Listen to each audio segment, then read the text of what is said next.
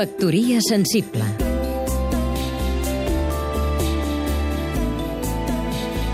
Oleguer Sarsenedes, periodista la fi del món és un dels grans temes literaris de tots els temps, de l'apocalipsi de l'apòstol Sant Joan fins l'apocalipsi de Stephen King, passant pel mecanoscrit del segon origen de Pedrolo o l'assaig sobre la ceguera de Saramago.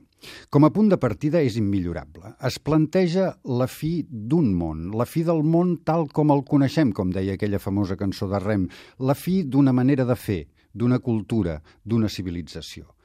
Això no ens ve de nou. Des que el món és món, n'hem vist passar moltes. L'imperi romà, l'antic Egipte, Sumèria o els maies. Civilitzacions que neixen, creixen, floreixen, es penseixen, decauen i moren.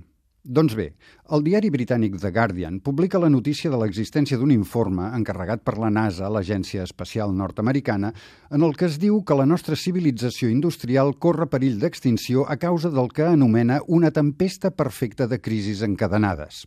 La fi del món, tal com el coneixem, es produiria, d'una banda, per l'acumulació i la coincidència en el temps de diverses catàstrofes a l'ús, terratrèmols, tsunamis, huracans, incendis, i, d'altra banda, per una llei històrica, totes les civilitzacions que ens han precedit abans de caure han tingut aquestes dues característiques. Han sobreexplotat els recursos naturals i han permès grans desigualtats de riquesa.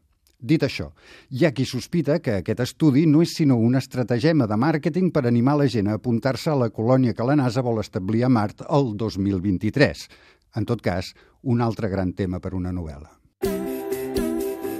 Factoria sensible Seguim-nos també a catradio.cat.